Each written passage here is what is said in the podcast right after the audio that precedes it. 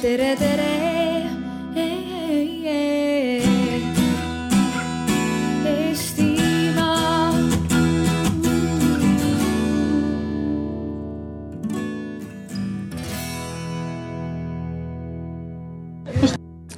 Tere.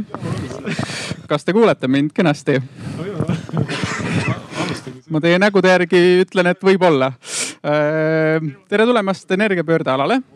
alustab siis tänase päeva sellel alal esimene arutelu ja te olete õiges kohas loodetavasti, sest et me hakkame arutama seda, mis on Eesti järgmised sammud põlevkivist väljumiseks. Eestimaa Looduse Fondi poolt korraldatud arutelul ja kui hakkab vihma sadama nagu praegu tundub, et hakkab, siis esiteks siit saate võtta endale vihmavarje, kellel ei ole vihmavarju äh, laenuks ja pärast siis saate tagasi tuua siia äh,. ja teiseks, juhul kui nagu väga hulluks läheb, siis me juba mõtlesime välja, et me toome teid siia lavale ise äh, kuidagi paigutame ennast siia ära äh, hästi sõbralikult. Minu nimi on Martin Noorkeiv ja mina olen siis tänane moderaator. Teede Stratlabist olen mina, sihtasutus Toomstor patendisealt pakume selliseid modereerimisteenuseid. ja ma ei ole selle valdkonna ekspert. et mina olen siin täna selle jaoks, et luua õhkkond heaks aruteluks ja et oleksid huvitavad järeldused ja et teil oleks põhjust seda vihma siin trotsida oma varjudega. ja ja ka enne seda, kui ma tutvustan esinejaid ja, ja, ja kui me pihta hakkame, ma teen väikese sissejuhatuse ja tutvustan veidi seda formaati. et äh, kui me kevadel selle arutelu planeerimisega pihta hakkasime, siis see tundus selline hästi hüpoteetiline. et noh, põlevkivist väljumise järgmised sammud, mis võiks teha, mis see, mis see teoreetiliselt olla võiks.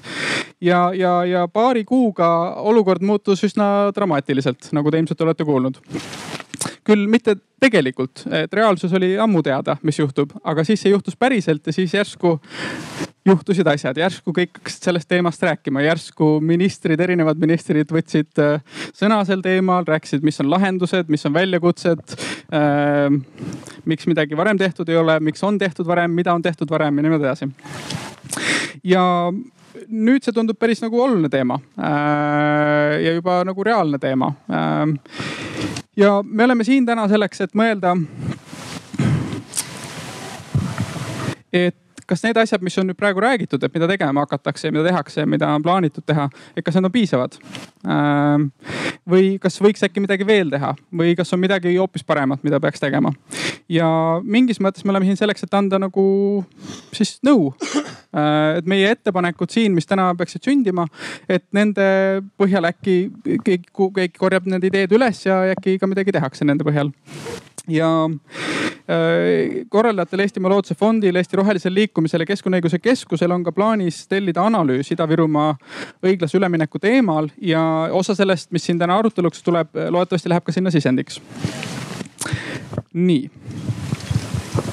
ja meie eesmärk, me tegeleme peamiselt täna Ida-Viru teemaga ja sellega, et kuidas selle olukorraga hästi hakkama saada ja võib-olla isegi midagi hoopis positiivsemat sellest välja kasvatada. Ja sellepärast meie fookus ja püüd ei ole täna siin nagu vaidlust tekitada laval või, või võitlust, vaid pigem koostööd ja lahenduste otsimist ja võimalikult suurt konstruktiivsust potentsiaalselt. aga meil on ka mõned piirangud selle arutelul, sest me ei saa rääkida kõigest. Äh, ja need piirangud ja formaat siis üldiselt on selline, et äh, et me peamiselt fokusseerime riigile ja sellele, mida riik teha saab. kui tuleb häid ideid, et mida kohalik omavalitsus teha saab või, või, või eraettevõtted või, või keegi kolmas-neljas-viies, siis sellest räägime ka, aga, aga fookus on riigil äh, teiseks, me püüaksime otsida selliseid lahendusi sellele probleemile, mis meil täna on, mis oleksid mitte süsinikumahukad et on olemas ka lahendusi, mis on süsinik, süsinikumahukad ja nii mõnedki neist on täna laual. Äh, aga püüaks otsida vähemalt eelistatud variandina neid, mis ei ole ja, ja me räägime peamiselt neist inimestest, kes äh, põlevkivi valdkonnas kaotavad töö ähm, kes saavad üsna kõrget palka, sellest ma hetke pärast ka räägin. Äh, ja, ja kellel on väga spetsiifiline taust, millega ei ole lihtne teha igasuguseid muid asju, juhul kui peab tööd vahetama ja arutelu ülesehitus on selline, et kõigepealt äh, püüame natuke olukorda kaardistada, et mis seis siis on, milles siis probleem praegu seisneb. natuke ma toon numbreid ja statistikat äh, siia ja siis natuke vestleme selle üle.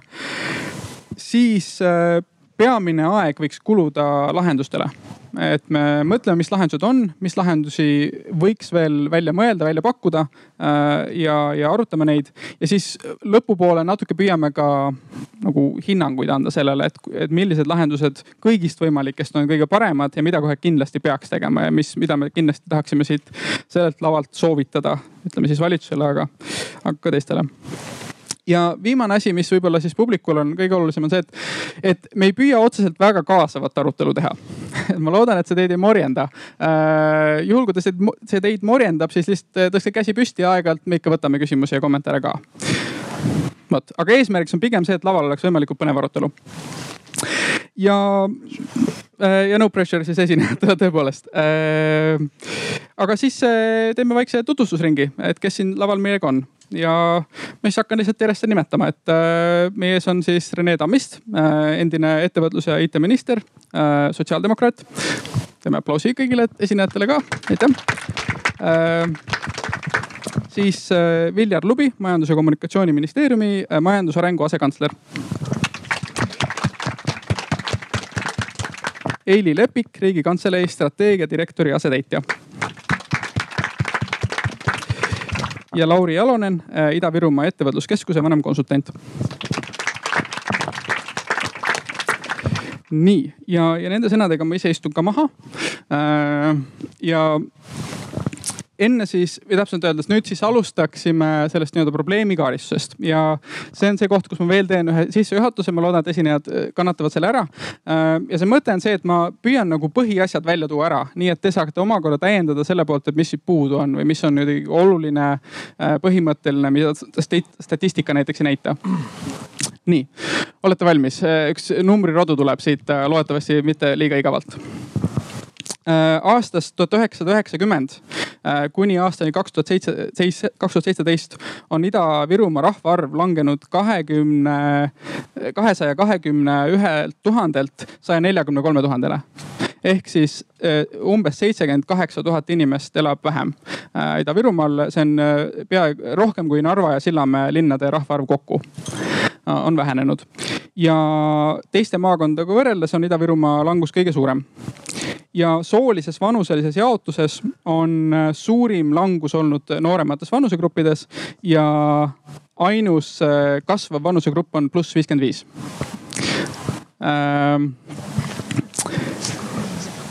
ja, ja see trend jätkub, laste ja noorte vanusegrupid on äh, kahanevad äh, Ida-Virumaal. ja prognoosi kohaselt kahe tuhande neljakümnendaks aastaks on veidi üle saja kümne tuhande elaniku. ehk siis võrreldes üheksakümnendatega kaks korda vähem või noh, viiskümmend protsenti vähem äh,. majanduse mõttes, kui üldiselt Eestis on äh, teenuste sektor äh, kaks korda suurem kui äh, tööstus, siis Ida-Virumaal on see olnud nii pikka, pikka aega nii, et tööstus on olnud suurem äh, kui teenuste oma. ja nüüd, nüüdseks on jõudnud enam-vähem võrdseks teenused ja, ja, ja tööstus. otseselt põlevkivisektoris on seitse tuhat töökohta ja sektoriga kaudselt on väidetavalt seotud kaksteist tuhat töökohta Eesti Energia on nüüd äh, viimasel ajal koondanud äh, viissada inimest ja tuhat kolmsada inimest peaks olema hetkel siis äh, äh, alakoormatud ja sundpuhkusel, nii palju kui ma olen aru saanud sellest ja ettevõte on siis öelnud, et kui elektri hind ei muutu, siis aasta lõpuks võiks, võib vähe, vähe, võib veel viissada inimest töö kaotada või rohkem. Keskmine palk äh, on äh, põlevkivisektoris tuhat viissada eurot, mis on kolmkümmend viis protsenti kõrgem kui Ida-Virumaa keskmine muidu äh, ja palgatase kaevandajatel on üks koma kolm Eesti keskmist, energeetikutel üks koma viis Eesti keskmist. Ja mõned asjad veel. Äh, on olemas Ida-Virumaa programm, mis on mõeldud nende probleemide lahendamiseks, äh, mille kaudu on lähiaastatel riigil planeeritud kakssada miljonit eurot äh, investeerida Ida-Virumaale. enamasti on tegemist selliste investeeringutega, mis on rahastatud välisvahenditest, investeeringud tervisekeskustesse, tööstusalade, transpordi infrastruktuuri, riigigümnaasiumitesse, liidertegevused ja nii edasi. Ja viimasel ajal on siis valitsus lubanud ka igasugu asju juurde, on lubatud suurendada seda programmi ühe koma kuue miljoni euro võrra, äh, viimaks siis üheksa, kaks tuhat üheksateist kuni kakskümmend kolm kuni kahekümne miljoni euroni. ja on lubatud äh, kiirendada äh, põlevkivielektri tootmisest õli tootmisele minekut. Äh, ja kaks päeva tagasi saatis MKM kooskõlastusele eelnõu, mis lubaks põlevkivi ase-, põlevkivi asemel biomassi põletada. ühesõnaga hästi kiire ülevaade kõigist teemadest, mis sellega seotub, seondub. nüüd ma tahaksin anda sõna kõigile esinejatele ja, ja võib-olla siis selliseks esimeseks kommentaariks kõigile, et, et kui te kuulasite seda, mis ma rääkisin, kas esiteks midagi siin on, äh, oli valesti, ehk siis kas midagi on tegelikult teistmoodi, äh, kui numbrid neid räägivad. ja teiseks, kas midagi olulist on puudu, mis seda olukorda, mis täna on, äh, kirjeldab. Võib ükskõik, kes alustada ma võin, võin alustada. ei, kõik on äh, sellise äh, esmapilgul täitsa, täitsa õiged. numbrid äh, vastavad sellele reaalsusele, mis Ida-Virumaal vastu vaatab. ja ka nendele kiiretel, kiiretele kavadele, mis siis selle kriisi ilmnemisel välja on käidud. nüüd minu arvates tuleks äh, jagada see probleem Ida-Virumaal nüüd kaheks, äh, nagu ka vabariigi president on ette pannud, et vaadata siis seda sotsiaalprobleemi eraldi ja siis äh, eraldi vaadata energeetika või majanduspoliitilisi lahendusi, et meil nagu otsustamistasandil kiputakse neid kahte koos vaatama, aga võib-olla see on ka selliste murekohtade allikas, et, et kui me neid ilmtingimata kogu aeg koos vaatame, siis äh, need lahendused äh, võivad olla mitte nii ratsionaalsed ja mitte nii äh, kulutõhusad ühiskonna mõttes mm. -hmm. aitäh. ma olen ka nõus, et kõik see, mis sa öeldud, on õige, et võib-olla kaks asja, mis ma tooks sinna juurde esiteks see, et kõik see tuleks panna globaalsesse konteksti. et Ida-Viru need numbrid ja, ja need trendid ei ole mitte midagi enneolematut, et kogu maailm on silmitsi täpselt samade asjadega. et see kliimatemaatika on kõigile nii-öelda väga prioriteetseks muutunud. kõik soovivad vähendada siis jalajälge, mis keskkonnal on. aga see ei ole kerge ja, ja selleks tuleb teha väga palju raskeid otsuseid, mis on ka väga kulukad. et selles mõttes see Ida-Viru kirjeldus kindlasti ei erine sellest, mis, mis maailmas toimub. mis ma teise asjana võib-olla öelda tahaks, on see, et, et kogu see kirjeldus ja tegelikult see teemapüstitus on mingil määral ka selles mõttes, et raskuskese nagu vale koha peal. et kui oligi võrdlus aastast üheksakümmend ja tänapäev just Ida-Viru keskes, siis me ei saa teha, Eesti on liiga väike. me ei saa teha Ida-Viru erisust, et see ei ole kindlasti jätkusuutlik, et igal juhul lahendus peab olema niimoodi, et Ida-Viru ei peaks mitte kuidagi Eestist nagu tervikuna välja paistma. et see lahendus peab olema selles mõttes jätkusuutlik, et vahet ei ole, on see Idu, Ida-Virumaal, on see Võrumaal, on see Saaremaal. et tegelikult meie majanduspoliitilised otsused peavad äh, lähtuma sellest, et see regioon iseenesest ei ole tähtis. et äh, probleem on Eesti tervikuna ja maailmas, et urbaniseerimine jätkub. inimesed liiguvad ära suurtesse keskustesse, Eesti puhul on neid kaks, peamiselt võib-olla isegi üks. no Tallinn domineerib täielikult ja siis Tartu võib-olla natukene. aga teised äh, suuremad linnadki Eestis ei ole piisavalt tõmbekeskused Need taaskord, see ei ole Ida-Viru spetsiifiline probleem. Need ka lahendused peavad olema selles mõttes rohkem äh, nagu Rene ka ütles, et äh, mitte nii energeetikapoliitikast lähtuvalt kui majanduspoliitikast ja sinna siis sotsiaalne element juurde mm. -hmm. hiljem täpsustaks seda siis juurde, et mis need nii-öelda majanduspoliitiliselt põhiprobleemid on ja kas siis Ida-Virumaal on mingi spetsiifika, aga praegu teeme siin korra selle ringi ära ähm,.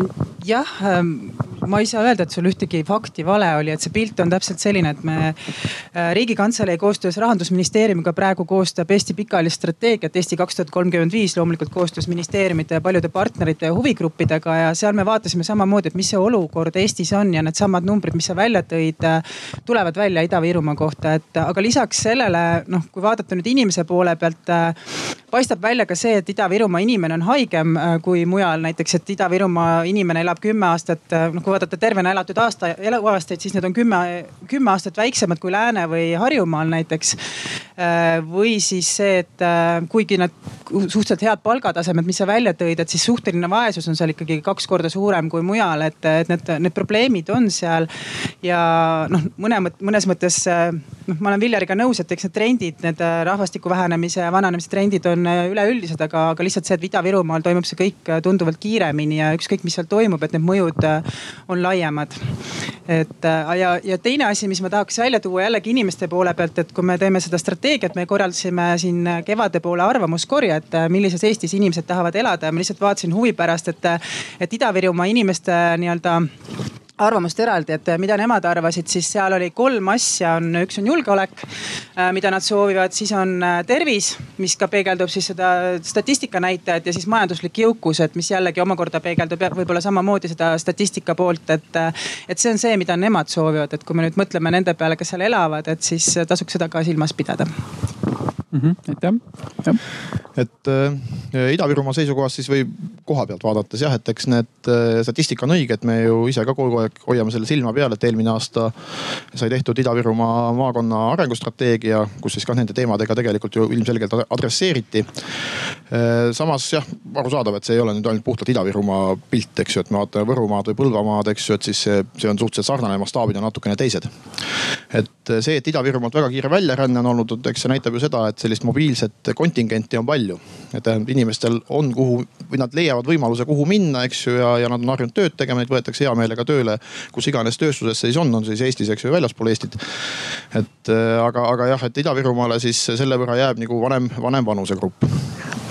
et äh, see nüüd, mis puudutab energia ja energeetikat, et noh, mina seda päriselt nagu lahutada ei saa, eks ju, vähemalt seal kohapealse pilgu läbi, sellepärast et need inimesed, kes seal töötavad, nad on päriselt kohal. Ja, ja nende jaoks on see asi on nagu üks selles mõttes, kui tema jääb ilma tööta, ta jääb oma ilma sellest, ilma oma sellest heast palgast, eks ju. tal on võetud, eks ju, võib-olla mingisugused äh, korterilaenud või, või autolaenud või liisingud, eks ju, mingisugused kulutused, lapsed õpivad kuskil koolis. siis tema jaoks on see väga konkreetne probleem, eks ju, ja, ja, ja siin see lahendus tõenäoliselt ei ole mitte mingisuguse sotsiaalse abi maksmises, vaid, vaid pigem, eks ju, alternatiivsete töökohtade tekitamises mm. -hmm. ma seda nii palju kommenteeriks ka, et noh, et miks me noh, et me oleme energiapöörde alal ja me räägime põlevkivist väljumisest, et miks me fookus on majandusel üldse, on ju.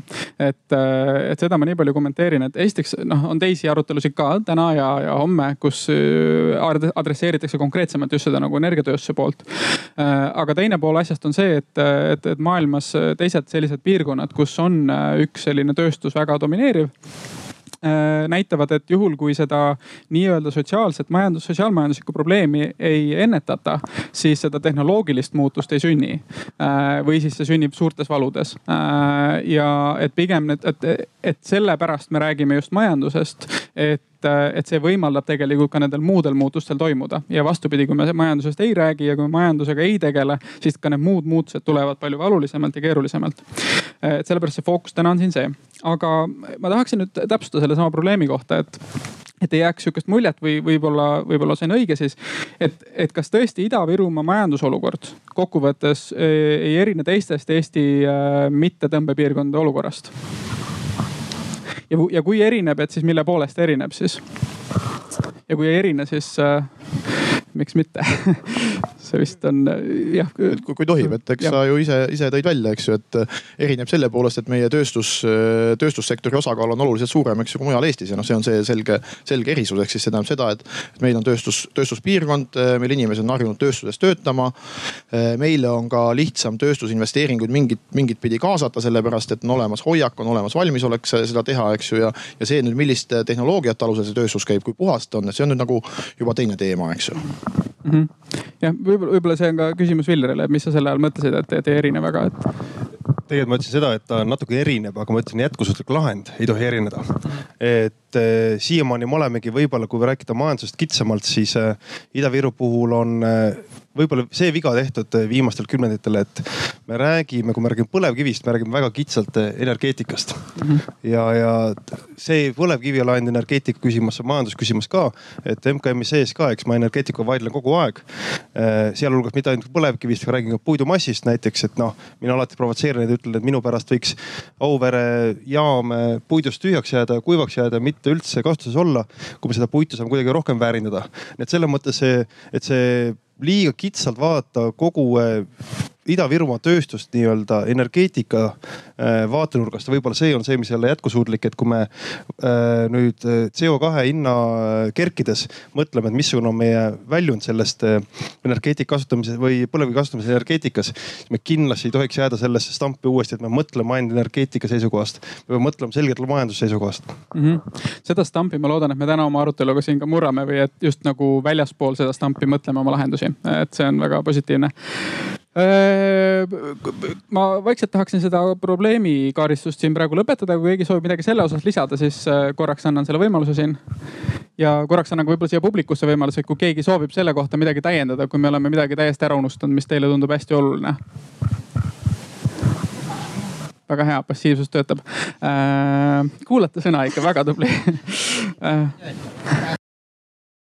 ütleme, ma üldiselt pigem ei tahaks põlevkivist täna siin arutelul eriti palju rääkida, paradoksaalselt, kuigi ta meil on pealkirjas. aga, aga meie fookus on, on eh, majandusel ja ma olen selles mõttes nõus, et, et, et see meie lahenduste fookus ei pea tähendama energeetika küsimust. meil on eraldi arutelu, mis on konkreetselt põlevkivi teemast ka, et mis põlevkivist saab täpselt.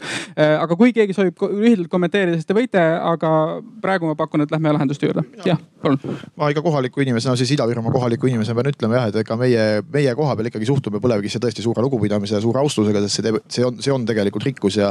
ja kui natukene mõelda selle peale, eks ju, et eh, noh, kui võtta ka pärast taasiseseisvumist, et kui palju Eesti on nüüd eh, läbinud, kui palju me oleme elektrit tarbinud. ja me oleme selle raha, mis me oleme selle elektri eest maksnud, see on jäänud kõik Eesti majandusse keerlema, see on päris, päris kopsakas summa, see ei ole kuskile välja läinud ja ma võib-olla lisan ka siia seda, et, et kindlasti tuleb äh, suhtuda väga suure lugupidamisega nendesse inimestesse, kes äh, seda tööd on teinud äh, aastate jooksul. ja, ja tõesti aru saada sellest suurest murest, mis nende eest täna seisab. aga me peame ka samas olema üsna nagu ratsionaalsed ja, ja kained vaatama otsa sellele olukorrale, mis on kujunenud ja, ja noh, mille kujunemist me tegelikult teadsime ju ette. nii et, et noh, põlevkivi suuresti tänu keskkonna, kliimapoliitikale, tänu soovidele siis heitmeid piirata. suure tõenäosusega jääb väga paljuski välja kaevamata. kui me just põlevkivi keemias mingeid huvitavaid lahendusi ei leia või siis ei leia tehnoloogiat, kuidas siis, siis CO2 eraldada ja salvestada selliselt, et me teda õhku ei paista mm. -hmm. ma saan ainult, paneele väga ühtne, ma saan ainult korrata, mida Rene just ütles, et tegelikult põlevkivi on väga oluline äh, rikkus, mis Eestil on. küsimus on lihtsalt selles, mis me teeme sellega. et tegelikult ainuke probleem on see, et kui kiiresti me tarbime, kui kiiresti me vabastame CO2 sealt. kui meil on targemaid võimalusi selle kasutamiseks, siis see on meie siht väga hea. Ehm, sellisel juhul me saame liikuda sellelt olukorra kaaristuselt äh, lahenduste juurde ja ma paneliste natuke ka valmistasin selleks ette, aga mitte liiga palju, et äh, me teeme natuke sihukest nagu rollimängu Äh, mitte liiga totakalt, vaid siukselt äh, tavaliselt, normaalselt, normaal-, mõõdukalt. Ja see mõõdukas rollimäng on lihtsalt selline, et, et kõik panelistid, et te moodustate ühe tiimi. ja see tiim on Eesti valitsus mõned, mõned tiimis ei pea seda ette kujutama et kuidas see tunda võib. aga teised võib-olla natuke peavad, aga mitte liiga palju loodetavasti. ja, ja selle tiimina Äh, toimub täna siin arutelu, et näed, sihuke on probleem, me oleme nüüd selle kaardistanud, teame, mis, mis olukord on. et millised on lahendused äh, ja millised neist on paremad, millised neist on halvemad, milliseid peaksime äh, ellu viima ja kuhu raha panema, investeerima ja ütleme nii, et eh, ma kõigepealt tahaksin teha ühe sihukese üldringi ja siis mul on konkreetsed siuksed nagu põhiteemad ka, milles ma küsiksin teie käest, aga teeme kõigepealt ühe üldise ringi, et nüüd te olete, kujutate ette, et olete valitsuses ja ise võite valida, mis ministrid te olete äh,. soovitatavalt kuidagi seotud valdkondades äh,. ja et kõige üldisemalt, mis teie peate nii-öelda kõige olulisemaks selles olukorras lahenduseks, mis on see nii-öelda kõige olulisem lahendus, mida kõige põhimõttelisemalt oleks oleks vaja teha? Sihuke lihtne küsimus teile. ja ma alustan, et ma ei tea, kas see on lahendus, aga see on samm võib-olla lahenduste leidmise poole, et äh, äh, ma alustaks sellest või tegelikult oleks pidanud sellega juba alustama mõned aastad tagasi, kui me juba nägime seda olukorda ette, mis nüüd kätte on jõudnud, et äh, mõtleks läbi, et mis on need erinevad riskid ja riski maandamise meetmed, et kui me kasutame põlevkivi ja samamoodi see, et kui me ei kasuta, et kas siis nüüd ootamatult enam ei saa kasutada või me teadlikult astume sellest põlevkivist välja, aga mida see tegelikult tähendab äh, nii majandusele, energeetikale, sellele regioonile, äh, ma ei tea, julgeolekule ja nii edasi, et, et see, see pool nagu terviklikult läbi mõelda ja, ja ma ei tea, noh, et siin need rollijaotused ministritena, aga tegelikult see vajabki koostööd erinevate valdkondade läbi, et see riskikaardistus läbi mõelda ja kui sul on see info teada, siis sa saad hakata neid lahendusi ka kaaluma üht või teistpidi, et kuhu, kuhu teed pidi minna ja mis see kõige mõistlikum oleks. et äh, see on võib-olla see, mida ma kõigepealt esi-, ette võtaks ja tegelikult selle, sellest on räägitud ka varasemalt, aga reaali, reaalselt seda nagu sellist terviklikult seda riskide hindamist ja, ja maandamist ei ole mõeldud, et alles siis, kui on kiire käes, et siis nagu on toimetama hakatud, et jah, et tahaks öelda, et ah, mida võiks teha ennetavalt, aga nüüd on see, mida võiks teha nagu järg-, nüüd kui nagu olukord juba käes on või vaikselt juba mööda hakkab saama. ma võib-olla lisaks siis siia tõesti, et, et äh, oleks vaja sellist terviklikku kava, mis äh, siis võtaks need riskid kokku ja lahendused ka kokku. ja, ja mäletatavasti on äh, keskkonnaorganisatsioonid, mina ise ka sealhulgas noh selle kava vajadust avalikkuses korduvalt toonitanud. Eeliga koostöös isegi kunagi sai siis säästva arengu komisjoni koosolekul erinevad vastutavad ametnikud kutsutud kokku ja räägitud sellest, et kas sellist kava ikkagi oleks vaja ja, ja kuidas sellist kava võiks tekitada ja siis ametnikud leidsid, et äh, et ei, sellist kava hetkel ei ole vaja. Äh, aga äh, selle kava vajalikkus on ka sellepärast isegi ka täna olemas, et selleks, et suunata noh Euroopa Liidu vahendeid selle põlevkivisektori restruktureerimisse, siis, siis üks eeldus selleks, et Euroopa Komisjon ka erakorralist abi annaks, ongi sellise kava olemasolu. et, et ma arvan ikkagi, et tuleks alustada sellest, et, et meil on, paneme selle kava kokku põhineb see korralikul analüüsil. aga, aga ikkagi äh, seda on vaja selleks, et, et me saaksime ka siis äh, vastavaid vahendeid kasutada. ma kiiresti siin äh, sunnin teid täpsustama, et, et ma olen ka nõus, et kava on vaja ja ta peab olema terviklik ja kõike muud, aga mu küsimus tegelikult on see, et mis seal kavas olema peaks. et mis on need kõige olulisemad asjad, mis te arvate, mis teie arvate, et seal kavas olema peaks kindlasti? ma isegi ei tea, mis minister ma olen ja ma, aga ma tahaks sellele ministrile vastu vaielda natukene ka tegelikult ma ei arva, et äh, probleem on kava puudumine. ideed on tegelikult laual väga palju olnud, küsimus on nende teostamises, et äh, pole otsustusjulgust olnud. Äh, need, et see probleemid energeetika mõistes tulevad lauale, me oleme kogu aeg teadnud.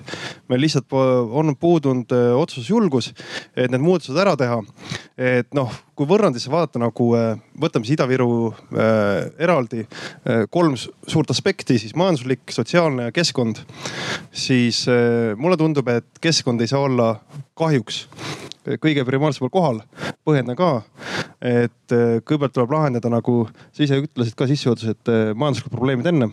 Need aitavad lahendada sotsiaalprobleeme, siis tuleb keskkond sinna järgi. et äh, majandus, sotsiaalprobleemid tuleb lahendada esimesena. me oleme viimastel aastatel tohutult palju ressursse suunanud tegelikult Ida-Ida-Virusse me MKM-i ja EAS seisukohalt me oleme väga palju püüdnud sinna meelitada välisinvestoreid, ei tule. ja tegelikult, et tingimused tihti soodsamad kui teistel maakondadel. välisinvestor lihtsalt ei lähe sinna, et töökohti luua, alternatiivseid töökohti. Nad ütlevad, tööjõudu ei ole, tööjõudu ei ole ka sellepärast, et tegelikult väga suur selline teadlik äh, töötajaskond on kinni praegu energeetikasektoris. nii et siit nagu mingit sellist kiiret arenguhüpet kohe, et me hüppame põlevkivivabasse, ütleme siis Ida-Virusse. ma arvan, et see ei ole realistlik, tuleb leida mingi vaheaste. ja selleks on siis need, mis on ka praegu ka ringlunud ja diskussiooni tekitanud, et, et põlevkivist saab ka midagi muud teha. on see näiteks siis õlitööstus ja, ja miks ta on selles mõttes hästi mõistlik, et ühelt poolt ongi see, et ta on keskkonnasõbralikum, palju keskkonnasõbralikum kui lihtsalt põlevkivi põletamine. ta annab võimaluse tegelikult tegelikult suhteliselt vähese vaevaga needsamad inimesed seal ka kõik hõivatutena hoida ta on väärtusahela mõttes äärmiselt, äärmiselt hea. selles mõttes, et Eesti ütleme, majanduse arengu suurim takistus on see, et me peame positsioneerima ennast globaalsetes väärtusahelates. ja kui me oleme üks väike element, siis tegelikult ja me ei suuda olla terviklikult ühes, ütleme segmendis kogu väärtusahela lõikes, siis tegelikult teeb see meie olukorra raskemaks. aga põlevkivisektor või siis sealt, kuidas me saame kasutada põlevkivi nagu kogu väärtusahela lõikes, et see annab meile suhteliselt unikaalse võimaluse.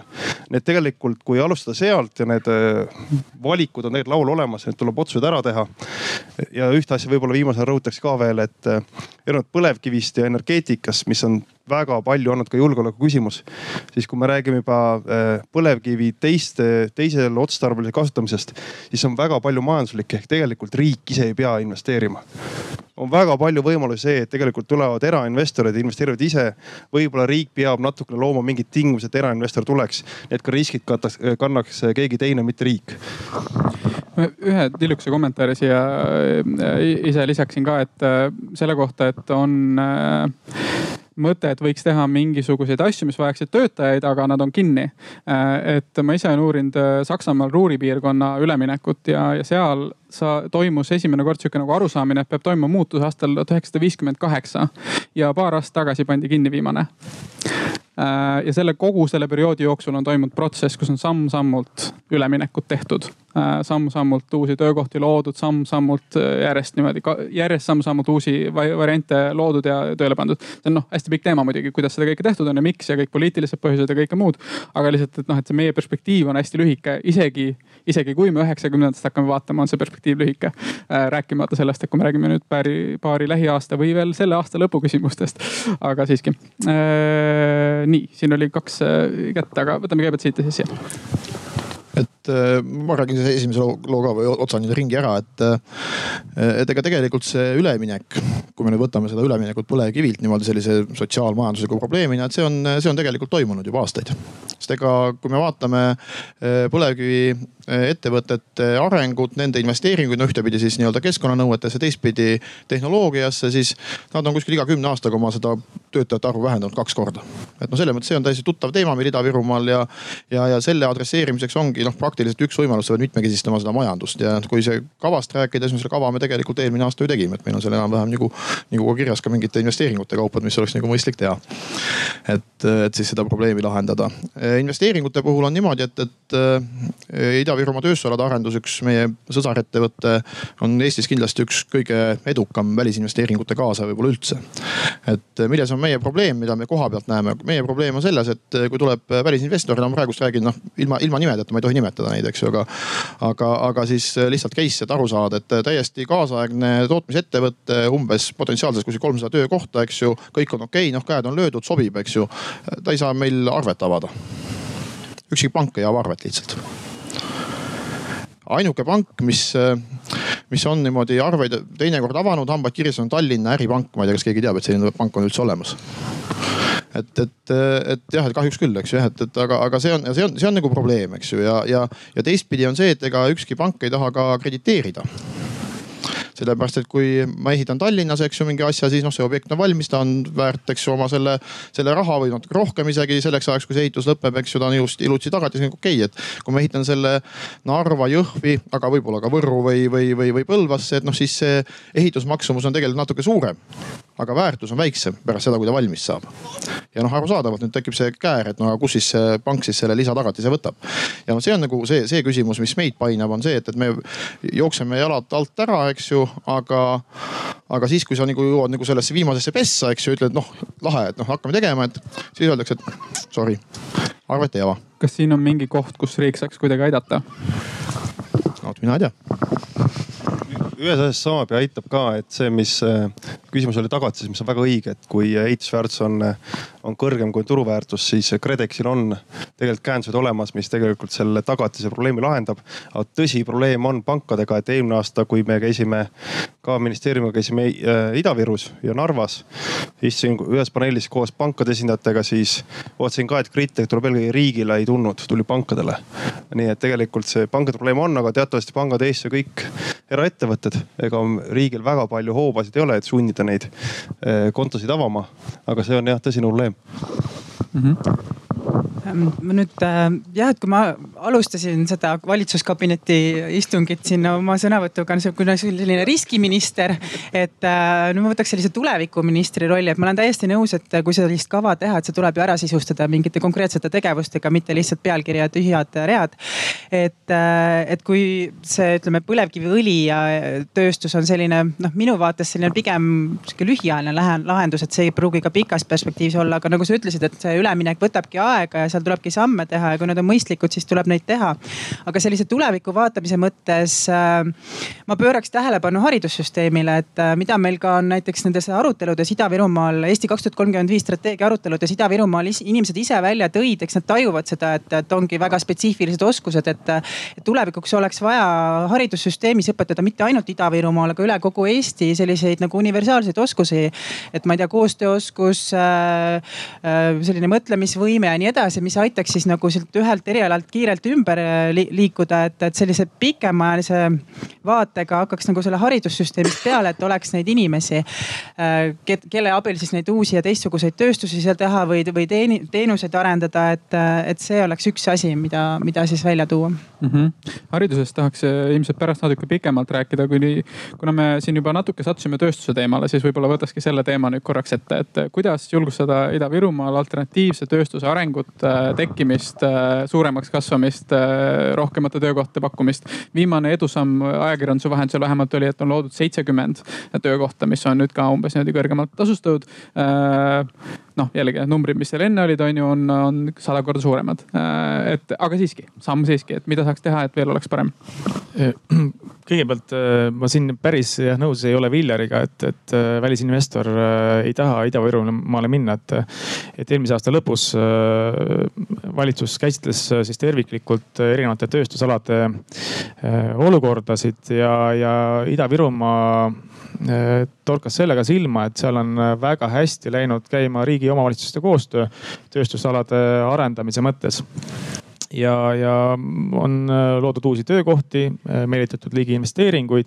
ja kui vaadata seal paari aasta perspektiivis neid plaane, mida siis juba ostetud äh, kinnistutele või siis broneeritud kinnistutele kavandatakse, siis äh, ma sain kokku kuskil äh, tuhat viissada töökohta, mida sinna kavandatakse. ja, ja ka need investeeringud on päris noh muljetavaldavad. et, et selles mõttes ei ole ka mõtet maalida Ida-Virumaast seda pilti, et tegu oleks noh, sellise kõige tagurlikuma maakonnaga. vastupidi, et, et seal on väga head eeldused, seesama analüüs toob ka välja, et just äh, tööstuse arendamiseks ja seal võrreldes näiteks äh, paljude teiste maakondadega, noh Harjumaaga on siis selline nagu lähim äh, konkurents, aga siis töötajate haridustase on üsna hea, et on palju kõrgharituid, väga häid spetsialiste ja, ja seal on väga head eeldused siis keskkõrg, kõrgtehnoloogilise tööstuse arendamiseks. nii et, et on sama analüüs ka käsitles neid soovitusi, et mida siis äh, võiks teha selleks, et, äh, et tööstus äh, paremini või need tööstusalad paremini ka areneksid. noh, neid soovitusi on seal välja toodud selliselt, et, et noh, kõigepealt turundada neid alasid paremini, terviklikumalt, paremini koostöös EAS-iga, meie välisesindustega, aga siis ka rohkem koostööd teha potentsiaalsete investoritega nii koolituste tellimuse mõttes, et, et nende vajadusele vastavalt rohkem siis äh, tööjõudu koolitada, aga ka siis äh, noh, ma pakuks ka siin välja mingeid muid meetmeid, no näiteks palgatoe meetmed, et, et äh, oleks võimalik sellist üleminekut teha ühelt töökohalt teisele. nüüd, mis puudutab, ma korraks vastan sellele põlevkiviõli perspektiivile, siis minu hinnangul on ka pigem tegu lühiajalise perspektiiviga. et täna on võimalik seda õli toota sellepärast, et CO2 äh, maksustamist äh, sellele sektorile ei rakendata. aga see olukord võib äh, üsna kiiresti muutuda. nii et, et kui me siin kavandame ligi miljardilist investeeringut ülejala ja, ja ka töökohtade potentsiaali mõttes, see on ju ainult sadakond töökohta, et kui me räägime sellest rafineerimistehasest pluss siis õlitehasest et siis äh, see võib-olla ei ole kõige nagu äh, tulevikku vaatavam äh, asi, mida teha. et, et pigem keskenduda siis sellele, et mis on siis need võimalikud alternatiivid ja, ja neid jõuliselt arendada, noh tõesti nagu panna sinna, sinna ressurssi ja energiat nii, kas sellele on äkki vastust? väga hea, intriig on tekkinud vähemalt. hea seegi esiteks ma olen nõus sellega, et mis puudutab, ütleme siis õlitööstuse tekitamist, et see ei ole pikaajaline lahend, aga ma ei ole nõus sellega, et see on lühiajaline samamoodi. nimetame, et see on keskpikk selge. võib-olla siis numbrid tuua, et mis on pikk ja lühike. no ütleme niimoodi, et tõenäoliselt vähemalt kütusena, et kütusevajadus ei kao maailmast ära noh järgmised kolmkümmend, nelikümmend aastat kindlasti. et võib-olla äh, era, eraautode puhul on, aga, aga kõik, mis puudutab tööstuslikke sõiduvahendeid, tõenäoliselt see kütus jääb sinna päris kauaks ajaks. pluss tooks nüüd sisse selle, selle võib-olla intriigi ka, et ühe kolleegiga rääkisin, et et kui me räägime põlevkivienergiast, siis on olnud väga pikalt Eesti ka julgeoleku teema. aga kui me räägime julgeoleku teema, teemast samamoodi, siis kui on ikka rasked ajad ja kriisid tulevad, siis üldiselt, mida iga riik vajab, on seep, tikud, suitsud ja kütus. et kolm esimest me nagunii ei tooda, et kui, kui me kütust toodame, siis vähemalt see annab ka meile mingi julgeoleku tagatise äh, nii et äh, selles mõttes on nagu see vaheastmena, noh nagu ma ütlesin, et siis lihtsalt põlevkivist loobuda päevast nagu järgmine aasta jaanuaris ütleme enam ei kasuta üldse. siis tõenäoliselt see pole jätkusuutlik, peab mingi vaheaste olema. ja ta loob sellise vaheastme ka ja, ja lisandväärtuse puhul samamoodi, et, et lihtsalt õlitöötaja toote ilma rafineerimata, siis tõenäoliselt ei ole ka kõige mõistlikum, see on nagu poolik lahend. et see annab sellise võimaluse nagu seda luua. kindlasti tahan, ütleme siis parandada seda seisukohta, mis puudutab eh, Ida-Virumaad kui äh, kohta, kuhu välisinvestor minna tahab. Ida-Viru tööstusparke tahaks väga kiita, nad on tõenäoliselt üks väheseid tööstusparke üldse Eestis, kes väga aktiivselt tööd teevad. see, mida ma öelda tahtsin, on tegelikult suhtarvud Äh, tõenäoliselt oma ametikoha järgi, et enamik äh, investeeringute projekte jookseb minu laualt läbi, ma näen, kui palju neid käib, kui palju Eesti vastu huvi tuntakse, kuhu nad minna tahab. võin ka öelda, et valdavas enamuses me tahame neid suunata kohe Ida-Virumaale aga noh, väga, väga väikene hulk on valmis sinna minema, kuigi me ütleme ka, et kui te ütlesite tööjõudu, siis Ida-Virumaal on, eh, kui ma ei eksi, maakonna lõikes üks suuremaid tööjõupuudusi, tööpuudusi, tööpuudusi ka, nii et tegelikult sellist eh, koheselt kättesaadavat vaba eh, tööjõudu on seal palju rohkem kui mujal. nii et ma arvan, absoluutnumbrites jah, pilt on palju-palju paremaks läinud, aga võiks veel paremaks minna, kui me rääkisime nüüd, et Ida-Virumaa erikaasusest, siis tegelikult ta peaks olema teist maakondadest selgelt eespool. et seda me veel peame nagu turgutama. aga jällegi küsin selle keerulise küsimuse siin, mis noh, on võib-olla nagu kõlab isegi nagu igavalt, aga mulle tundub, et paljud olulised küsimused on lahendatud lõpuks nagu igavate lahendustega. et, et see igav küsimus on see, et, et noh, et kas on midagi teha selle jaoks, et, et rohkemad investeeringud valiksid lõpuks Ida-Virumaa äh,. rohkemad investorid valiksid lõpuks sinna minna ja kas on midagi, ma teen siia ühe intrigeeriva lõpu ka. kas on midagi, mida saaks teha näiteks ütleme suvalise numbri ühe miljardi euroga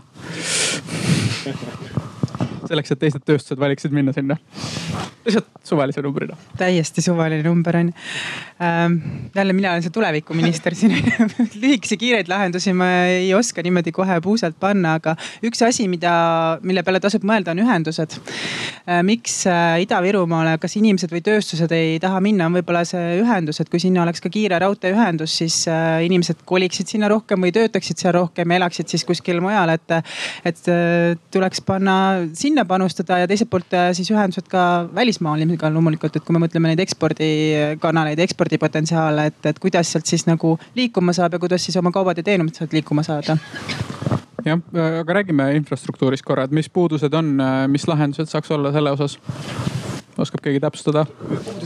nojah, et ma võib-olla siis jätkaks sellega, et, et selle ekspordi puhul, ega sellega võib-olla väga hullu meil ei olegi, et seda väravaga, sest meil on see Sillamäe sadam, eks ju, mis on ju praegust Euroopa Liidu kõige kiiremini kasvav erakätt, erakätes olev sadam üldse. noh tõesti, et kui siin aasta, noh kümmekond aastat tagasi, siis noh, sa mingit suurt laeva lahe peal ei näinud, et siis kui praegust lähen mere äärde, siis vaatan, et siin üks seisab, siin teine seisab, siin kolmas seisab, eks ju. reidi peal ootavad, et, et niimoodi möll käib ja, ja noh sadam areneb kiiresti, et, et nagu see väljaveo nagu selline koht on olemas. see, mis puudutab nüüd rongiliiklust, siis see on veel küll nagu üsna niru selles mõttes, et, et kui arvestada nüüd palju seda vajadust on, eks ju, ja palju inimesed liiguvad, rongid on päriselt täis. et ja võrrelda nüüd seda näiteks Tartu liiniga, siis noh, see on pea kaks korda vähem, eks ju, neid, neid reise siis, eks ju. Narva, Narva suunal, et noh, see on võib-olla see, mis, mis aitaks nagu, nagu natukene sellist, sellist investeeringut tuua, eks ju. teine asi, mis puudutab, puudutab Sillamäe sadamate infrastruktuuri, on see, et meil oleks vaja nagu mereväravat ka inimestele siis turistidele ja, ja see on nüüd see teema, eks ju, millest on ka pikalt juttu olnud, on see, et kas siis Sillamäele peaks nagu reisi, reisi, reisisadama võimalused tekitama või mitte, sellepärast et nüüd teine algatus, mis Ida-Virumaal päris hästi edukalt töötab, on turismiklaster. mis siis tegeleb Ida-Viru maakonna turundamisega ja noh, praegust on siis üheks selliseks põhiliseks sihtturuks Soome turg, sellepärast et noh, Soome turg on Eesti turismiturul hästi tuttav, eks ju, ja inimesed käivad, eks ju, aga, aga soomlased ei ole Ida-Virumaal eriti käinud, et see on uus koht. ja selleks oleks nagu hea, kui me saaksime ka siit Ida-Soomest noh, mingisuguse otsa tööle ja, ja selles osas vähemalt Sillamäe sadama inimesed väidavad nagu töö, töö nagu mingit pidi käib, aga no eks seal on jälle küsimus selles, et ega nad ise vist kõike seda investeeringut ära ei, ei kannata, eks ju mm. -hmm, ma tahaks seda kommenteerida, seda turismi osa ja et Ida-Virumaal tõesti on turismiga palju paremini läinud, et kuna turism on minu haldusalas, siis puutun sellega hästi palju kokku. Äh, mulle väga turism meeldib, äh, siin on ainult üks suur aga, ütleme, kui ma räägin nüüd ütleme majanduslikust seisukohast, siis turism on kahjuks üks vähemini tasustatud sektorid üldse. nii et tegelikult, kui me mõtleme nagu alternatiivina, mis on, et kuidas kõik need inimesed, kes on seotud põlevkiviga, panna turismi, siis me tegelikult teeme maakonna vaesemaks. et see on nagu selline paradoks, et millest me peame kuidagi üle saama. et eh, turismisektoris nagu seda lisandväärtust kasvatada on väga suur väljakutse. et tegelikult turist käib, aga raha ei kuluta. et see on nagu omaette teema, et seda tahtsin lihtsalt nii palju kommenteerida mm. -hmm. ma aru, et siin on üks kommentaar selle turismi asjale või jah? jah, äh, mikrofon põhimõtteliselt peaks ka olema, aga ta vist on kuskil nurga taga seal. seal on hästi raske mikker, sa pead hästi lähedale suruma oma suu sellele mustale ümarale asjale seal. mul on, äh, naine on turismiettevõtja, kelle paljud tuurid käivad ka kusjuures Ida-Virumaale. Ähm, see lisandväärtuse küsimus on pigem siin selles, millega need et, äh, turismiettevõtjad tegelevad. ja kui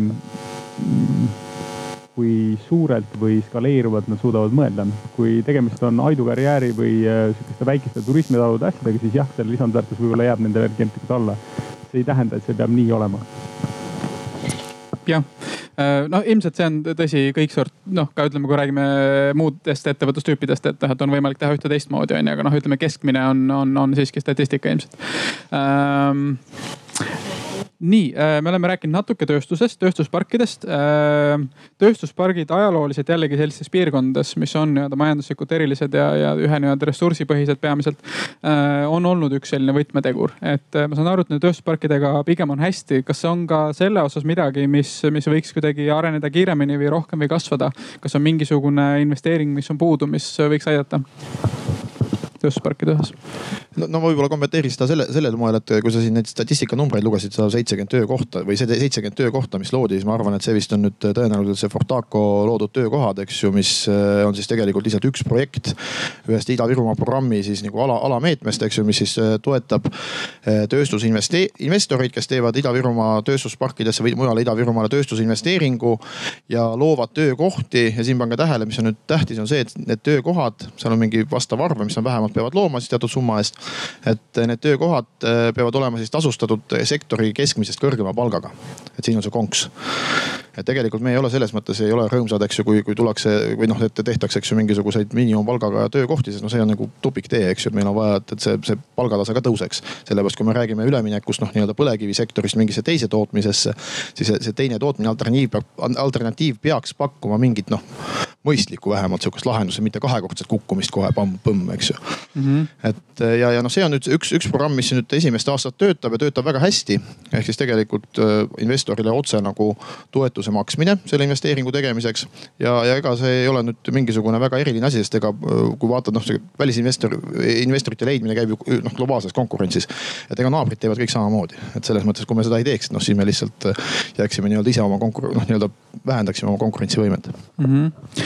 siit me olemegi jõudnud võib-olla sellisesse noh huvitavasse kohta, kus on üks sõna, mida kasutatakse sellistel olukord, sellistes olukordades.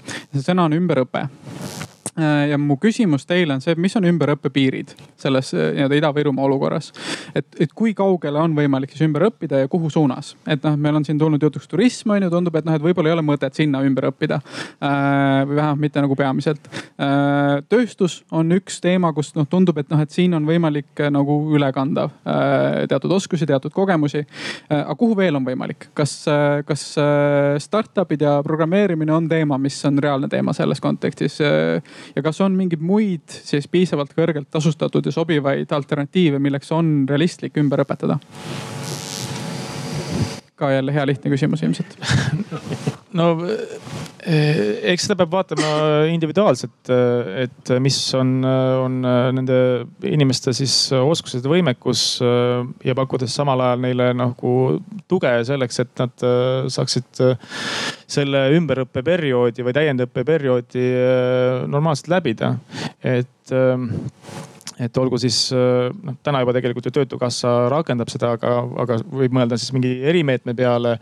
ja, ja just sellepärast ma tegelikult äh, tõin ka selle konkreetse restruktureerimise plaani välja, et Euroopa Komisjon annab äh, sellistele piirkondadele äh, väga olulisi vahendeid sellise plaani olemasolul. aga selle plaani siis puhul on vaja, et see oleks terviklik, et see, see hõlmaks erinevaid äh, elemente ja sealhulgas siis täiendümberõppe meetmeid. et äh, eelmisel aastal tegi Euroopa Komisjoni teadusasutus Joint Research Center siis äh, konkreetse analüüsi, mis vaatleski Kivisöe regioone ja, ja mm, seal siis läbiviidavaid programme ja noh oma soovitustes tõi ta välja, et, et äh, noh, täiend ümberõppe lahendused, äh, tööstuspargid, millest me rääkisime juba, majanduse elavdamise meetmed äh, nendes piirkondades, aga ka siis noh, taastuvenergia lahendused, nende võimalik rakendamine ja, ja kindlasti siin on mingi selline ühisosa olemas, et, et tuule päikeseenergia arendamine, siis äh, samas ka näiteks hüdropumpjaamade äh, rajamine nendel kaevandusterritooriumitel, mida ei kasutata. ja ma tean mingis äh, plaanis on need ka Eesti Energial endal äh, kavas olnud. aga ma toon siin ühe asja välja, et, et äh, teatavasti üks Eesti tuulikuarendaja oli valmis oma tööstuse Ida-Virumaale viima. ja, ja nüüd täna on ta hoopis raskustes, sest ta ei saa teatavate kaitsenõuete tõttu oma tuulikutööstust arendada. et et kui kasvõi riik oleks äh, rohkem äh, valmis selliseid äh, tõkkeid lahendama, et, et ka siin oleks nagu palju abi mm. -hmm Äh, jah, äh, ma selles mõttes nagu üritaks natuke veel nagu konkretiseerida seda küsimust siin, et noh, ütleme, kujutame ette, et, et see algul öeldud potentsiaalne asi, mis äh, Eesti Energia on öelnud, et, et võib-olla sügisel viissada inimest veel kaotab töö. Et noh, et mis see soovitus neile viiesajale on, et mida nad peaksid hakkama õppima? ma, ma, kui sa küsisid, et, et need ümberõppe limiidid, et keda siis ja kelleks siis ümber õpetada, siis noh, üks asi on jah, et kiirelt äh, siin ümber õpetada ongi, sa saad mõelda, et mis need vajadused on ja siin ongi jälle seesama, mis korra välja toodi, et see koostöökoht siis nende õppeasutustega, et kiirelt reageerida, kiirelt neid vajadusi pakkuda ja siis samamoodi erasektoriga, et millised need vajadused on või millised need oskused on, mida siis turul vaja on või, või, või investoritel. Teine asi, mille peale ma mõtlesin, on see, et ähm, need, keda me peaks siis või kes siis peaks ümber õppima hakkama, et kui me siin alguses alustasime sellest, et rahvastik vananeb ja, ja pensioniealiste arv suureneb ja neid noori on seal järjest vähem, et tegelikult, äh, et kui palju neid äh, mingis perspektiivis on, kes peaksid ümber õppima, et tegeleks sellega, et Äh, inimesed ei peaks tulevikus ümber õppima, et mõtleme selle peale, mida me praegu õpetame. Õpetamegi siis kasvõi universaalseid oskusi või kui me õpetame erialasid, siis õpetame selliseid erialasid, mida ka viie aasta või kümne aasta pärast või, või viieteist aasta pärast on vaja, et. Äh, sa mainisid ka programmeerijaid on ju, et ähm, kohe tuli selle peale see, et sa, sa võid nad treenida programmeerijateks ja kui arvestada seda piirkonna eripära, et seal sellist tehno, tehnoloogilist äh, oskust peaks ju olema ja sellist mõtlemist, et see oleks täiesti realistlik, aga, aga, aga programmeerijate turg on teatavasti globaalne. et äh, kas nad siis sinna jäävad või mitte, et, et sa treenid nad välja ja kui neil ei ole seal hea ja tore elada, siis nad ei pruugi ikkagi sinna regiooni jääda, et äh, mõelda selle peale, et kas see on siis nagu Eesti riigi jaoks pluss või miinus või regiooni jaoks pluss või miinus, kui me need õpetame väga headeks programmeerijateks. ma, ma annan korra sõna Viljarile, kes palus siis Lauri sulle. Ma tooks ühe aspekti veel sisse, et ma ei ole, mul ei ole head vastust, et mida, mille, mida nad õppima peavad. seda tegelikult peaks ütlema mitte töövõtja, vaid tööandja. ja, ja ütleks nii palju võib-olla, et tegelikult õppimisvõimalused on olemas ka. et öö, eh, oma inimestega ma olen vaadanud ka, et kui, mis on Eesti majanduse suurim kitsaskoht praegu, on tööjõu kättesaadavus. et kus on nagu potentsiaalset varu. üks koht on, intrigeerin ka siin, ma loodan, ma ei tea, kas siin on sotsiaalministeeriumi inimesi. aga teate, palju Töötukassas inimesi töötab? Kaheksasada. Ja tegime arvutuse ka, et see tähendab seda, et iga töötu kohta on töötukassa ühel inimesel võimalus personaalset aega panustada poolteist tundi iga nädal nii et tegelikult Töötukassa inimene ise võiks seda koolitada iga nädal poolteist tundi. et tegelikult meil on see potentsiaal ja, ja ressurss, et inimestega tegeleda väga palju. miks ma tõin sisse selle tööandja teema, et tegelikult on väga palju ka see, et need ärimudelid, mis Eestis on, et see on väga suur probleem, me kasutame vananenud ärumudeleid, mis on tööjõumahukus see peab muutuma ja kõik teatavasti algab juhtidest. nüüd ma kritiseerin juhte, ma ei tea, palju seal ettevõtte juhte on. aga kui me räägime tööstusest, siis tööstuse digitaliseerimine on see eh, võlusõna ka, et me peame rohkem automatiseerima, digitaliseerima. aga tihti juhid ei tea seda. ka selle jaoks on riigil olemas väga head koolitusprogrammid, mida MKM finantseerib. probleem on see, et klassiruumid on tühjad, sest juht ei arva, et teda üldse vaja koolitada on, ta teab isegi väga hästi. et tegelikult see teadlikkus ka algab juhtidest ja ettevõtte, ettevõtjatest sellest, et aru saada, et kuhu siis see majandus peaks liikuma, kus nad oma potentsiaali näevad ja kus neil töötajaid on vaja. selle kohta ma kohe-kohe annan tilluke kommentaar on see, et, et noh, et Ameerika näide siin, et, et Trump veenis ühe autotootja vist jääma Ameerikasse ja siis paar kuud hiljem siis automatiseeriti need töökohad ära Ameerikas. ja noh, Ameerikas jäid ikka töötuks, aga vähemalt mitte Mehhikos siis. aga, aga, aga see on ka omaette küsimus, et kui tulebki tööstus, aga tegelikult automatiseerib, et siis seda töökohtade probleemi ikka ei lähe Äh, aga jah, siia praegu. noh, et siia, siia veel äh, juurde siis automatiseerimise kohta ka üks näide, mida kolleegid tööstusaladest äh, rääkisid, et. et kui investor tuleb, eks ju, ütleb, et noh, et mul kuskil on vaja viiskümmend inimest, eks ju, noh niimoodi selle projekti käivitamise aeg on kuskil poolteist, kaks aastat. et siis, kui ta nagu projekti viimasse kolmandikku jõuab, et siis on tal kolmkümmend vaja.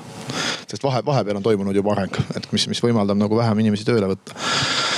aga koolitamise osas meil see töötukassa, kus on nüüd kaheksasada inimest, eks ju, et meil, meil vist päris mitte nii palju ei ole. et äh, koolitamise osas töötukassa töötab, mina ütleks küll meil väga hästi või selles mõttes, et, et äh, meil on ikkagi selline süsteem, et kui investor tuleb siis töötukassa on tegelikult sisuliselt kohe algusest peale laua taga, noh nii-öelda. et tööjõu, tööjõud tööjõud koolitatakse vastavalt sellele, mis, mis sellel investoril või ettevõtjal vaja on ja. ja, ja see siiamaani on toimunud küll niimoodi, et, et äh, väga keegi kurtnud ei ole, et, et üsna, üsna niimoodi sujuvalt, et tahaks nagu töö, töötukassat kiita siis selle eest mm. -hmm nii, me igaks juhuks ütlen, kus me oleme, me oleme otsimas lahendusi, äh, oleme kaardistanud siin hulga erinevaid lahendusi. Äh, ja ma lisaksin siia lahenduste teemale ühe küsimuse, mis on küll natuke sihuke asi, mida me ei tahtnud rääkida, aga siiski. Äh, taastuvenergia, et kas ja kui palju taastuvenergia mahub sellesse pilti, kas kas taastuvenergia on ka lahendus siin, kas ta saaks olla rohkem lahendus siin, kas ta peaks olema rohkem lahendus siin? Rene räägib aja täis ma võin sellest natuke rääkida, aga, aga no ma alustasin sellest, et, et ma lahutaks ikkagi siis sellise sotsiaalmajandusliku poole siis energeetikast. et neid ei pea vaatama ilmtingimata koos. küll neid võib vaadata koos, et noh lahendustena, kestlike lahendustena sellisel juhul, et kindlasti ka taastuvenergia valdkonnas on äh, tööjõumahukamaid valdkondi, no näiteks siis äh, päiksepaneelide paigaldamine. see kindlasti on valdkond, kus äh, on vaja tööjõudu, on vaja head spetsialisti ja, ja mida siis noh, masinatega ei ole võimalik ikkagi ära lahendada. et, et kindlasti võib selle peale mõelda, et kui riigil oleksid jõulised programmid päikeseenergia arendamiseks, siis leiaksid päris paljud inimesed hõivatud selles valdkonnas või siis äh, ka küsimus sellest, et äh, noh, seesama tuulikutootja näide, et äh, mis võiksid olla need potentsiaalsed meetmed, mis meelitaksid selliseid võimalikke investoreid Ida-Virumaale. et kui noh, toome näiteks Skeletoni, kes siis oma superkondensaatorite tehase rajas Saksamaale tänu sellele, et siis Saksa eh, liidumaa pakkus neile väga häid tingimusi, selgeid toetusi, finantsmeetmeid, siis eh, tänaseks eh, on see toetus sellel liidumaal viiekordselt tagasi teenitud. et võib-olla me peaksime ka natukene oma sellisest tavapärasest praktikast välja mõtlema ja selliseid konkreetsemaid suunatud väärtuspakkumisi tegema. et siis need ettevõtjad teeksid oma investeeringuid meelsamini Ida Virumaal, et noh, äh, Solar näiteks äh, rajas just oma tootmise Harjumaal Elcogen hakkab rajama tehast minu andmetel ka sajakonnale inimesele. kaaluvad ka naaberriike, et mis on need võimalused, et ja konkreetsed siis tingimused, et mis, mis suunaks neid investeeringuid tegema Ida-Virumaale kui me energeetika juures juba oleme aga mitte pikalt.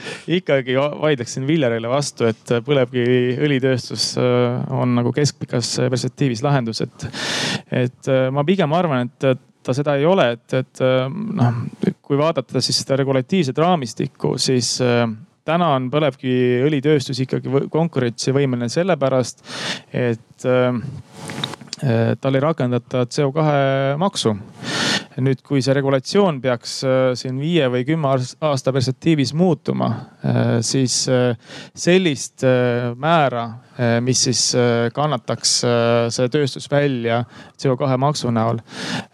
noh, see tööstus on kohe nagu upis. et see on väga lühikene perspektiiv, kui me vaatame investeeringuid, mida teevad näiteks Shell või BP, siis nende jaoks on kehtestatud nii-öelda pari CO2 hinnad. et äh, nende tootmine peab äh, taluma ka CO2 hindasid, mis on äh, seitsekümmend eurot või seitsekümmend dollarit tonnist, sada dollarit tonnist. et, et noh, Eestis selliseid noh võimalusi selles sektoris ei ole. nii et, et seal on väga suur regulatiivne risk, lisaks ka siis tegelikult nafta hinna risk, nagu me nägime siin mõne aasta eest. et ähm, kindlasti ma olen seda meelt, et äh, noh, need äh, võimekused, mis meil äh, on täna välja arendatud selles sektoris, et neid selle regulatiivse raamistiku raames kasutada. aga nüüd täiendavalt miljardit eurot sinna investeerida, selles osas ma olen väga sügavalt kahtleval seisukohal jah, seda põlevkivi teema tegelikult ei tahaks siin nagu selles mõttes ikkagi võtta, et äh, tõesti eraldi arutelu konkreetselt sellest, et mida sellest põlevkivist on siis mõtet teha ja mida ei ole mõtet teha. et, et see on nii suur teema, mida me ei ole siin täna äh, peamiselt arutamas. aga ma küsin oma küsimuse, selle teise küsimuse ikkagi veel ka uuesti ka teiste käest siis. et äh, jah, et ma ei küsi seda taastuvenergia küsimust äh, energia perspektiivist, vaid just töökohtade perspektiivist. et töökohtade perspektiivist, kas taastuvenergia Ida-Virumaal on reaalselt võimalus luua töökohti või see on pigem või mitte?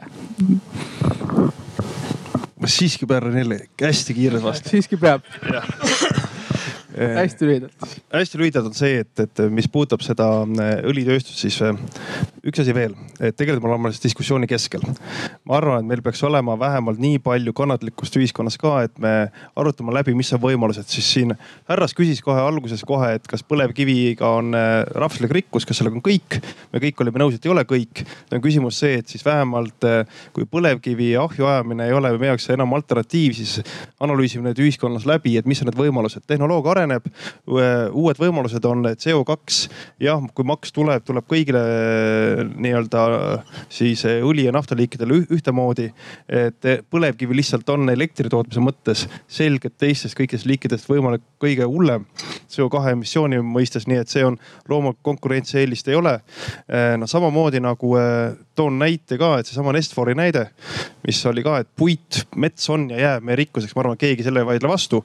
küsimus see, mis me selle metsaga peale hakkame et inimesed ei mõtleks selle peale, et kui me viime ümarpuitu väärimata välja, et see tegelikult veel hullem kui see, et me tegelikult vaatame, kas on olemas tehnoloogilised võimalused, et me väärindame oma metsa maksimaalselt. aga tegelikult lihtsalt, et meil on isegi võimalus seda analüüsida, ühtegi otsust veel ei tehtud. küsiti lihtsalt võimalust analüüsida, et põlevkivi teiste alternatiivsete kasutusmeetodite kohta võiks samamoodi olla vähemalt selline, las teadlased teevad oma tööd ja pakuvad alternatiivid välja.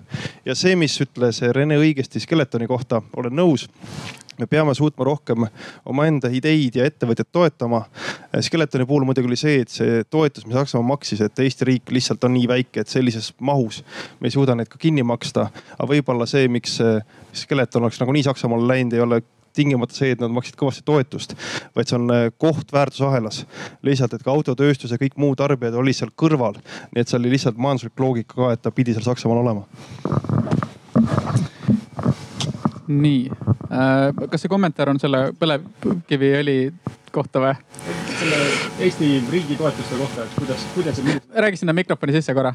aga hästi kõvasti. küsimus selle kohta, et kui meil on äh, erinevaid äh, teadlaste gruppe ja siin eelnevalt olete põgusalt seda ka puudutanud, kellel on soov liikuda mikrotootmise suunal, et oma patente paremini väärindada, et nad teevad ära oma selle, ma ei tea, patarei mingiks investeeringu sealt saja, saja miljoni juures ja selle müüvad edasi siis juba nagu kahesaja viiekümne, mitte mingi kahekümne miljoni eest. et äh, kuidas sedasorti asju saab paremini ära siduda Ida-Virumaaga ja, või kohapealse mäetööstus äh, äh, keemia erinevate arenguvõimalustega jah, kes oskab vastata, võib-olla toome korra siia. no ma võib-olla kommenteerin, et äh, Ida-Virumaal siis Tallinna Tehnikaülikooli Virumaa kolledži juures tegutseb selline asi nagu põlevkivi kompetentsikeskus, et äh, kus on siis äh, teatud teaduspotentsiaal ja inseneride potentsiaal ja siis äh, tänu siis äh, toetustele tehtud ka laborivõimekus, et ja, ja päriselt tegelikult seal asjad tiksuvad, et nii palju, kui ma aru saan, siis selle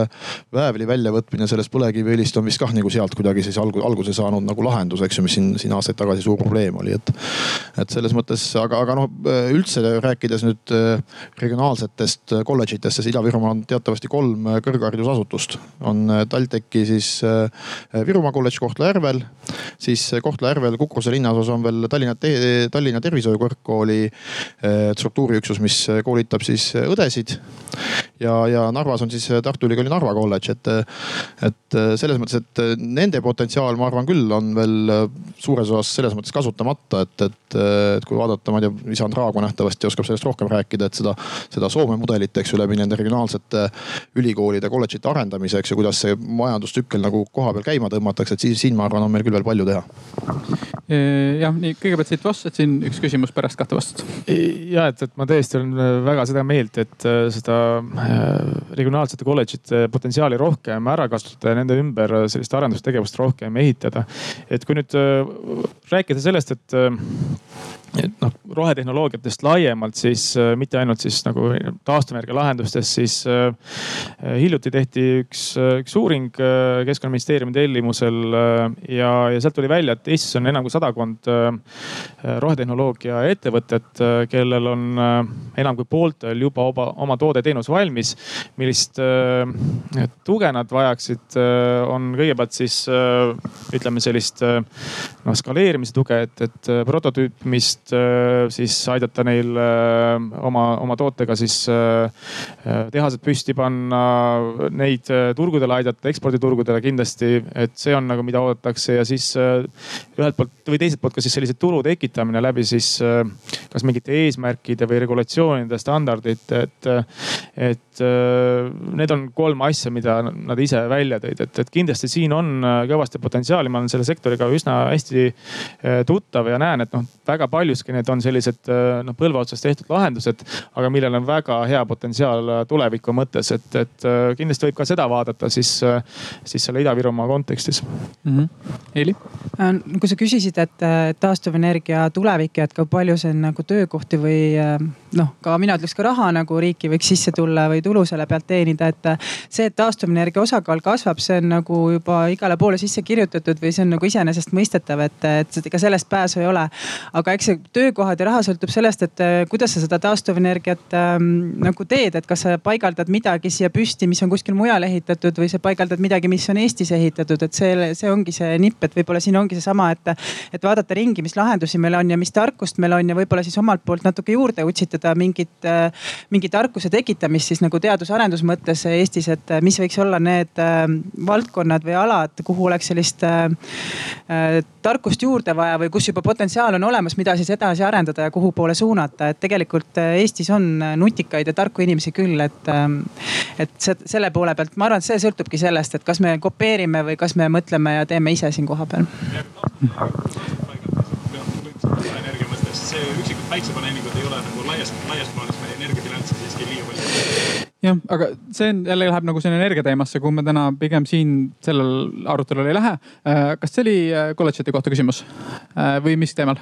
see oli kõigepealt selle ühe miljardi teemal ja siis oli okay., päiksepaneel no teeme nii. kaks märkust, et äh, ma saan aru, et on niisugune tugev.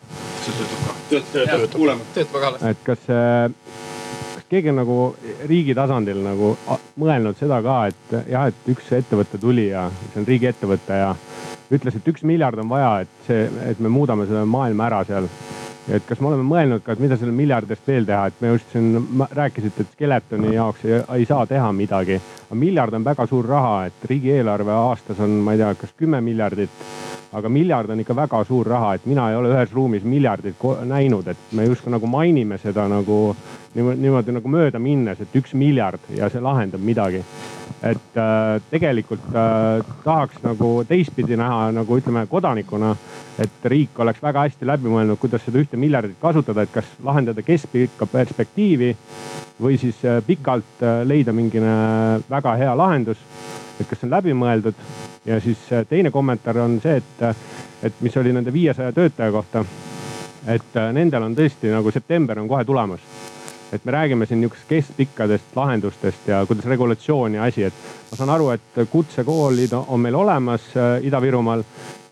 seal õpetatakse nagu nii palju, kui mina olen uurinud, ka elektrike välja ja, ja noh, tegelikult mis, mis päiksepaneelide, kuidas see päiksepaneelide paigaldamine Eestis on viimased paar aastat käinud, on ju ikkagi niimoodi, et ukrainlased ja poolakad käivad siin ehitamas. et väga vähe ehitavad siin üldse eestlased ja noh, see tegelikult on üks lahendus, et ma ise üritasin uurida, et kas siis on olemas äh, Ida-Virumaal äh, õppeprogramm selline nii-öelda ütleme e elektriinsenerile, kus kohast ta saaks ennast ümber õppida päiksepaneelide paigaldamise peale, sellist lahendust nagu täna ei ole, et Pärn, Pärnus ma saan aru, et on olemas. ja, ja nüüd ongi küsimus, et noh, et miks seda ei ole, et tegelikult see on üks nagu trend, kuhu poole liikuda ja muidugi noh, ma saan aru, et noh, meil on, me oleme täna tegelikult heas olukorras, et riik justkui nagu ma tean, et seadusi ei taheta väga muuta ja toetusi ei taheta väga jagada, et kuni järgmise aasta lõpuni on meil need äh, viiekümne kilovatiste päiksepaneelide toetus ikka veel olemas. et tegelikult on väga kiiresti võimalik vähemalt osa nendest inimestest ka või neile osadele leida selline valdkond, kus kohas nad saaksid ka väga head palka aitäh. ma alustaks sellest pigem sellest viimasest küsimusest, et kas see on mingisugune probleem, kas sinna oleks vaja mingit sekkumist riigi poolt, et, et see juhtuks? ma olen äh, Priiduga, tere Priit. Täitsa nõus, et, et, äh, et tõesti, see on, on äh, probleem, et, et siin peaks natukene nagu terviklikumalt vaatama, et, et kui kahe kuuga suudetakse tekitada uus toetusmeede puidu masspõletamiseks, mille mõjud on väga küsitavad, siis, siis äkki suudetakse kahe kuuga tekitada meede päikeseenergia arendamiseks selliselt, et, et oleks võimalik neid inimesi siis hõivesse võtta ja, ja, ja, ja siis ka täiendavalt ümber õpetada. et kindlasti siin on nagu mõttekoht riigi seisukohalt ja, ja kui me noh, vaatame energiaturu ar arenguid laiemalt, siis, siis päikeseenergiasse panustamine on kindlasti pikemaajalisem lahendus. et, et kindlasti mõttekoht mm.. kas selle ümberõppe teemal praegu veel lisada midagi kellelgi ähm,? Ma väga ei taha sinna miljardi teemasse minna, see on nii suur eraldi teema. ma võin hästi lühidalt vastata. no hästi lühidalt. suur summa ka. see on suur summa, ma tean. riigieelarve on veel suurem summa. hästi lühidalt vastan, ongi see, et ühte miljardit ei ole ka mina ühes ruumis näinud, tõenäoliselt ei näe ka, et elektrooniline raha ikka, ma arvan, et jääb. me sularahale tagasi ei lähe. ühe miljardi teema, suhteliselt lihtne vastata. ma arvan, et keegi ei eeldagi, et see peab olema selgelt maksumaksja kulu. me peame läbi analüüsima, et see igal juhul on ettevõte. võib-olla halvimal juhul peab eh, riik omakapitali suurendama, et e-, Eesti Energia laenuvõimet. Eesti Energia ei pea olema ainukene ettevõte, kes sellega hakkama saab. ma arvan, et see ongi diskussiooni koht. küsimus on, et kas on erategijaid ka, et see risk võib olla väga paljuski erasektori kanda, nii et ma kindlasti ei arva, et see üks miljard Eesti maksumaksja raha on ainus võimalus. ma võib-olla täiendaks natukene seda teemat.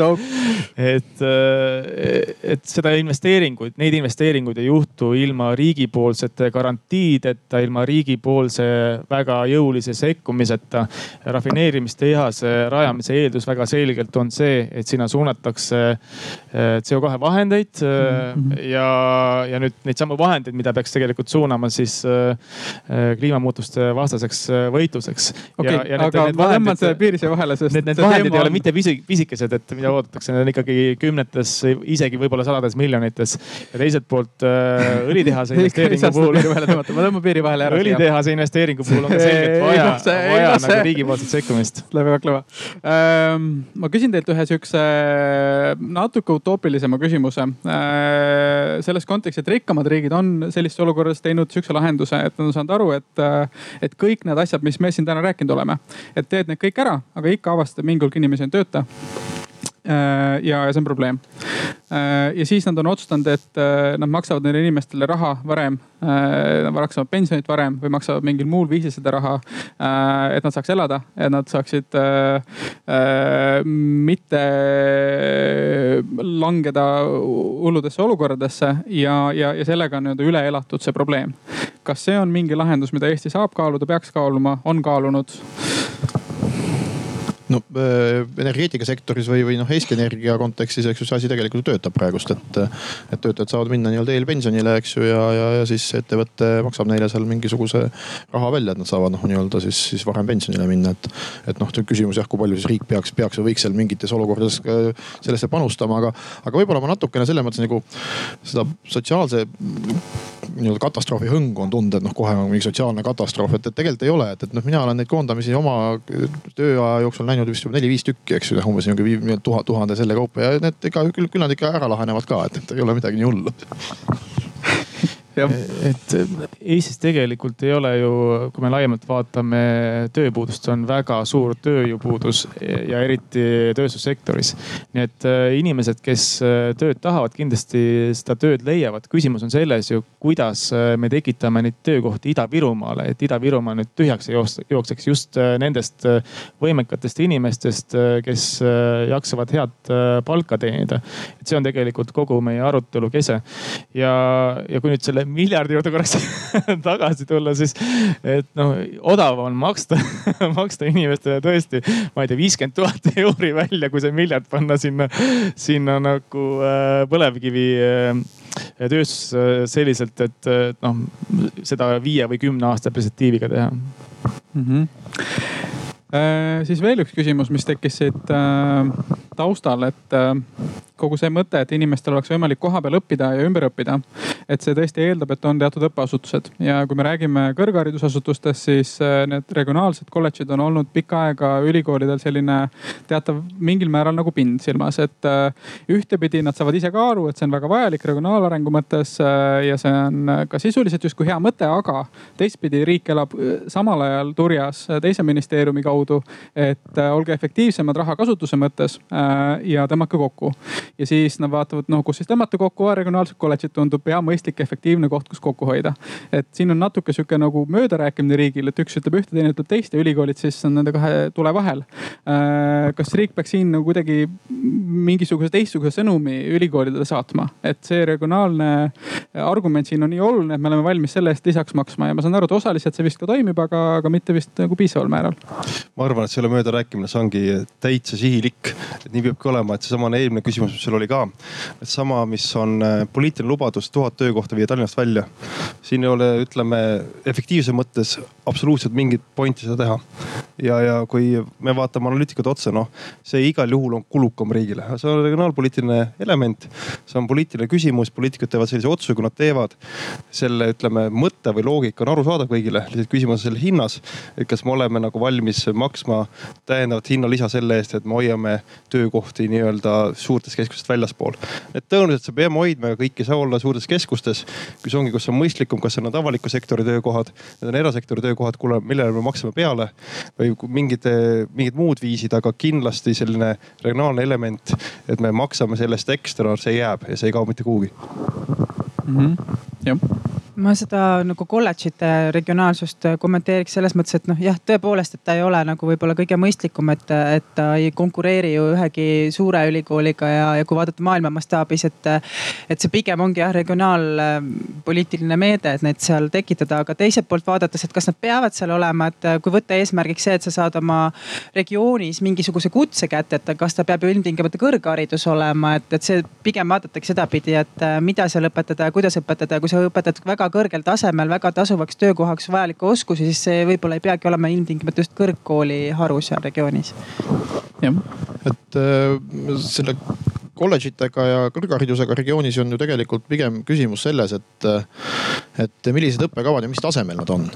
et, et, et kui meil on piirkonnas olemas, sest noh konkureerimine suurte ülikoolidega ongi suurte ülikoolide kolledžid selles mõttes, eks ju, et on ju Tartu Ülikooli kolledž ja, ja TalTechi kolledž ja, ja diplomi see lõpetaja saab ikka kas Tartu Ülikooli või TalTechi diplomi. küsimus see, kas ta saab äh, bakalaureuse, magistri, eks ju, või saab ta doktorikraadi kaitsta ja noh, see on see küsimus, et, et kus see võimekus või mis võimekus võiks olla piirkondades, et noh, kasvõi sama TalTechi puhul, et kui me räägime seda, seda põlevkivi teemat ja keemia teemat, eks ju, et noh, et võib-olla, võib-olla seda võimekust võiks olla rohkem, et noh, praegu seal üks või kaks magistrikava on, et võib-olla peaks neid olema rohkem. aga need maksavad raha ja need maksavadki, maksavadki raha ja need, need ongi need see koht, et kas, kus siis tuleks kaaluda, kas on nagu otstarbekas nad kinni maksta või mitte. aga noh, üldjoontes ega see regionaalpoliitiline mõju noh, see on sama nagu keskkonnamõju, et, et odavam oleks nähtavasti, ma ei tea, mingit maja ehitada nii, et, et sa neid keskkonna noh nõudeid ei, ei, ei, ei vaata, eks ju, ja noh saad valmis ka, eks ju aga noh, pärast on jama ja, ja regionaalpoliitiline mõju on täpselt samasugune, et noh, et võib-olla odavam on teha niimoodi, et noh, et, et kõik ongi ühes kohas koos, eks ju, aga noh, pärast on jälle jama, eks ju, noh, et, et noh, et eks see on nagu kaalumise koht nii äh,, jah. ma kommenteeriks võib-olla see, et ma ei ole haridusekspert, ma ei hakka nüüd ütlema, et kas need regionaalsed kolledžid on mõistlikud või mitte, et Eesti on niivõrd väike, et see mobiilsus võiks olla nii suur. et tegelikult, et see, kus õppida ei ole niivõrd tähtis, vaid see, kus töötada on tähtis lõppkokkuvõttes. ja see töökohtade mõistes, noh, et see, kas riik peaks tulema ja kõigepealt nii-öelda, kuidas nüüd öelda, looma taristu ja siis loota, et see, see ilus ruum või see maja või rajatud tee saab ka kasutust. toon näite võib-olla, mis puudutab Narva puhul, et nüüd on sinna tulemas ka äh, inkubatsioonikeskus, mida me siis koostöös riigiga teeme, Startup Estonia seda toetab ja Tehnopol ka. Äh, veel kaks aastat tagasi ei olnud nõudlust aga tegelikult on niimoodi, et öelda, et tehke ja tehke, tehke nüüd hea ruum ja kõik hakkavad äh, siis tulevased founder'id hakkavad seal koos käima aga tegelikult noh, üldiselt Eesti praktika on näidanud vastupidist. et kõigepealt hakkavad aktiivsed inimesed koos käima kuskil iga teisipäeva õhtu kuskil baaris, joovad õlut. ja siis tekib kriitiline mass ja siis ütlevad, neil on vaja nüüd ka sellist tugi, eh, tugifunktsioone sinna ümber ja siis see, see tuleb, et praegu Narva puhul seda juba näha. et tegelikult selline kriitiline mass hakkab tekkima ja kogu kohalik kogukond on tõesti ütleb, et me teeme ilma teeta ka ära, aga kui te aitate, oleks väga tore. nii et selles mõttes see on võib-olla see ideaallahend, et kuidas need asjad võiks areneda see arutelu on olnud äh, üllatavalt optimistlik. Äh, võib-olla, võib-olla minu see esialgne depressiivne sissejuhatus põhjustas selle, aga, aga mina olen natuke üllatunud, äh, aga positiivselt selles mõttes. kas keegi siin tahaks midagi, kas täiendada lahenduste osas või küsida nende asjade kohta, mis siin praegu sai öeldud? siin on üks käsi praegu. see kuubik on siinsamas ees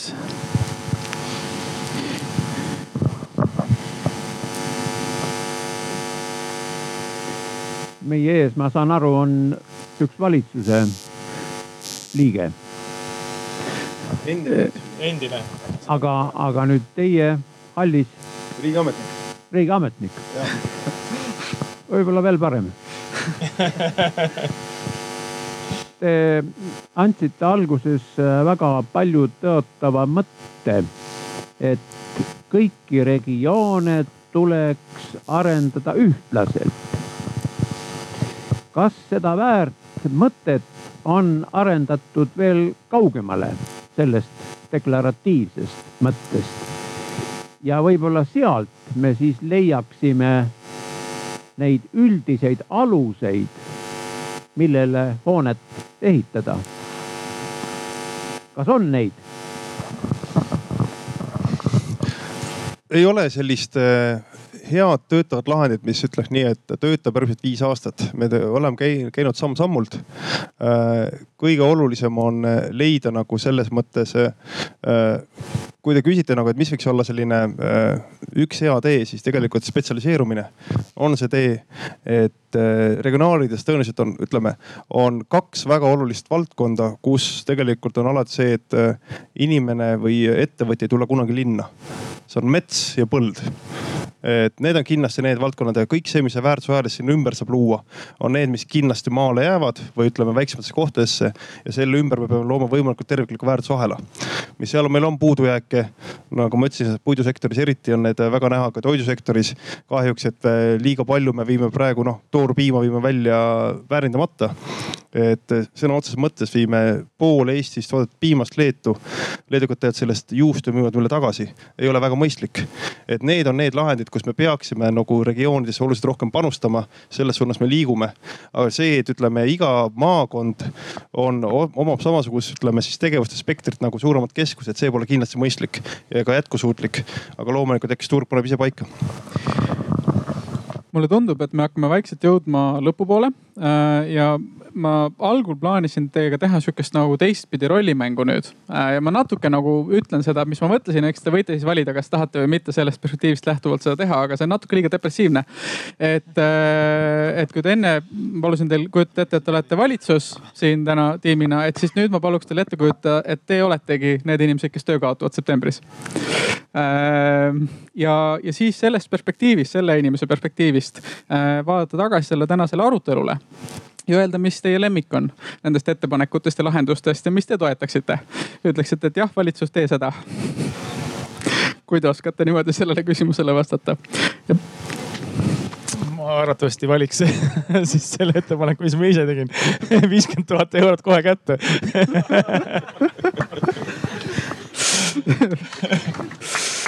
jah, aitäh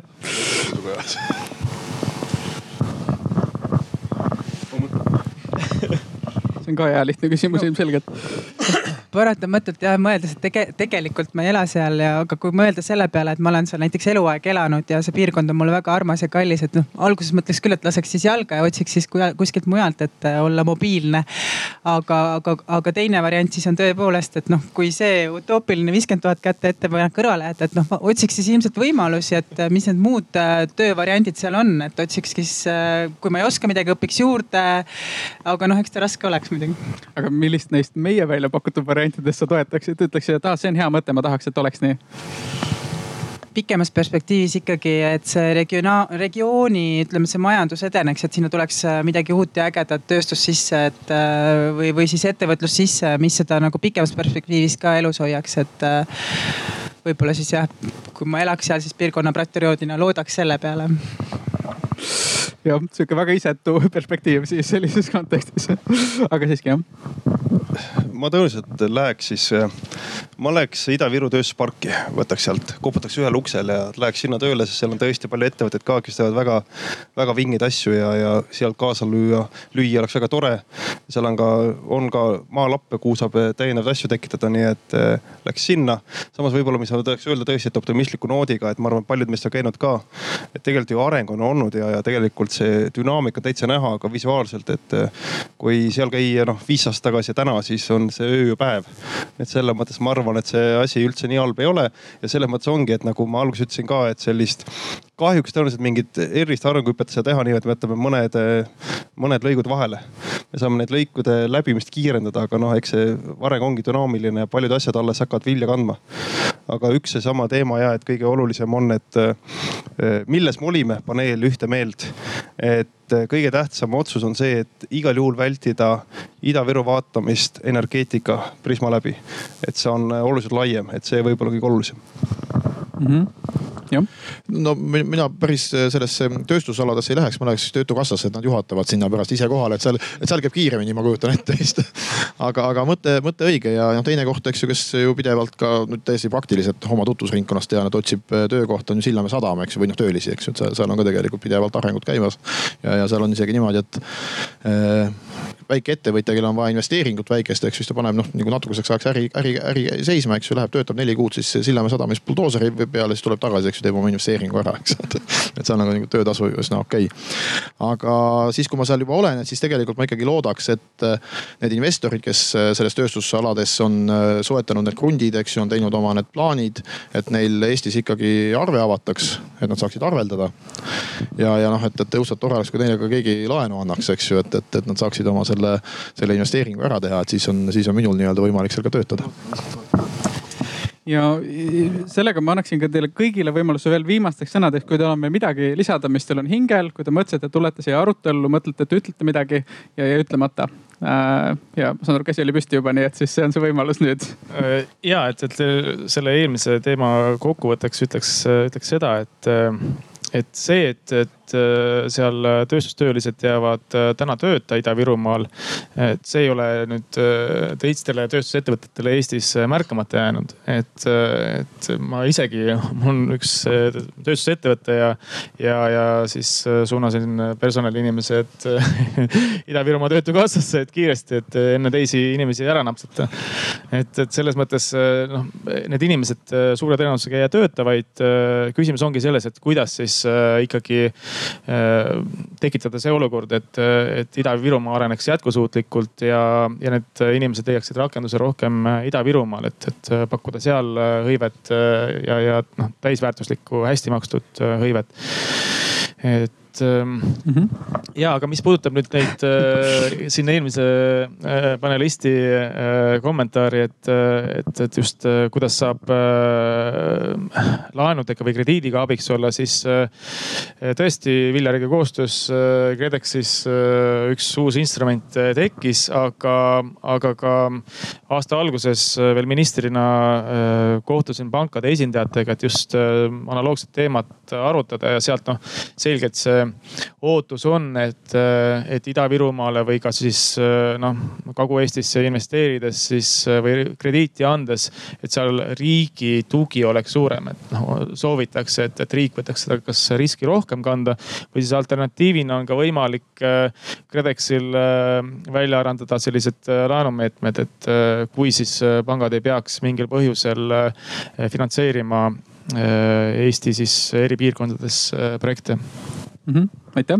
Äh, seekord ma olen Renega väga nõus. Äh, ja ka see, et ma ütleks, et ma arvan, et väga palju häid ideid on siit äh, koorunud, teise, teistelt kuulsin väga palju häid mõtteid. ja tahtsin öelda ainult seda võib-olla, et aeg nende äh, võib-olla mõnikord rasket tunduvate küsimuste lahendamiseks on praegu ideaalne. sest majanduse seisukoht ongi selline ju praegu, et kui muudatused nõuavad seda, et mõned töökohad kaovad, siis olukord on selline, et need uued töökohad tekivad juurde väga kiiresti. sest suurim probleem on tööpuudus, tööjõupuudus. et kui me oleks majanduses nagu teises tsüklis, siis tegelikult äh, poliitiliste soovide tõttu võib-olla hoitakse jätkusuutmatuid asju oluliselt kauem püsti. üritatakse, et need ettevõtted töökohti kindlasti kaotaks, et praegu tuleks need rasked otsused kõik ära teha ka hea soovitus. Kui sa küsisid, et, et mis meil siia, noh, mis mul nagu siia tulles siis nagu südamel oli, et, et see võib-olla üks asi ongi see, et, et ei oleks võrdusmärki põlevkivi ja Ida-Virumaa vahel, et seal on kõike muud ka. ja kui kasvõi kui loodusvarade ja rikkuse poolest vaadata, et Ida-Virumaa on väga metsarikas tegelikult, et, et võib-olla selle peale mõelda. jah no mina teeks väga lihtsalt, et mina kutsuks kõik Ida-Virumaale külla, et, et nautima, meil on väga lahedad turismiobjektid, ägedad rannad. saab kultuurisündmusi, varsti tulevad Kremli ööbikud jälle Narva, et kes ei ole käinud, tulge kuulake ära ja, ja, ja, ja soovin kõikidele tervist aitäh äh, panelistidele äh,. selline äh, optimistlik arutelu äh,. loodetavasti see ei tähenda, et midagi ei tehta pärast seda ma arvan, et tõesti siin võib nagu kaasa võtta selle ühe lihtsa kontseptsiooni, et kui me vaatame Ida-Virumaad, et me eraldaksime neid eri teemasid. et me eraldaksime energiateemat ja majanduse teemat ja me ei lahendaks majanduse teemasid läbi energia viisil, mis kokkuvõttes viib nagu mõlemas mõttes hullemasse olukorda potentsiaalselt et ütleme, võib-olla mitte tuua hästi, ei, nüüd ma võin tuua uuesti lauda selle miljardi teema, aga ka seesama puidu ahju viskamise teema on ju, et siin on praegu püütakse just energiaga lahendada majandusprobleemi ja võib-olla nende kahe eraldamine ongi see kõige lihtsam võti siin, et mõistlikke lahendusi teha. aga äh, suur tänu kõigile, kes tulid äh, kuulama äh, ja siia lavale osalema äh,. ma loodan, et teil oli huvitav, saite mõtteid Äh, juhul, kui äh, te tunnete, et mõned teemad veel jäid kuidagi nagu õhku, äh, siis siin alal jätkuvad taolised arutelud ja energiapöörde alal siis tuleb kella neljast arutelu, et kust tuleb elekter pärast Venemaast lahtiühendamist ja kella kuuest energia salvestamise küsimus, taastuvenergiaga seotud teema. ja see ala kohta ka paar kommentaari, et seda ala korraldatakse juba kolmandat aastat, siin on kasutatud taas korduvmaterjale looduslikke ja peegeldamaks seda ala korraldajate enda sellist jätkusuutlikku ja kliimasõbralikku fookust, siis ka osalejad, mingi hulk teist tulid rattaga siia. Ma ei tea, kui paljud teist siia rattaga tulid, aga mingi hulk teist tulid. ja nii palju ma tahtsingi selle ala kohta lisada ja üks rahvaalgatus on ka parasjagu õhus. ma nüüd ei mäleta enam, mis teemal kas sa tahad korraks hästi kiiresti seda kommenteerida ja siis teeme? jah, et kuna kuulata jah, et kuna jah, Eesti Maalooduse Fond on üks selle arutelu korraldajatest, siis ma mõtlesin, et ma mainin siin kiiresti, et meil koos teiste keskkonnaühendustega on just äh, väga värskelt äh, üles läinud rahvaalgatuste lehele algatus Eesti kliimaneutraalseks aastaks kaks tuhat kolmkümmend viis. nii et äh, võite rahvaalgatuste lehele vaadata, seda allkirjastada ja seal on ka rahvaalgatuse telk, sealt saab infot. ja kui te olete huvitatud, siis on ka siin see tekst äh, välja prinditud ja võimalus ka kohe allkiri anda paberil. nii et sellised mõtted, aitäh no nii ja sellega ma arvan, et meie tänane esimene arutelu lõpeb. palun äh, üks suur aplaus esinejatele.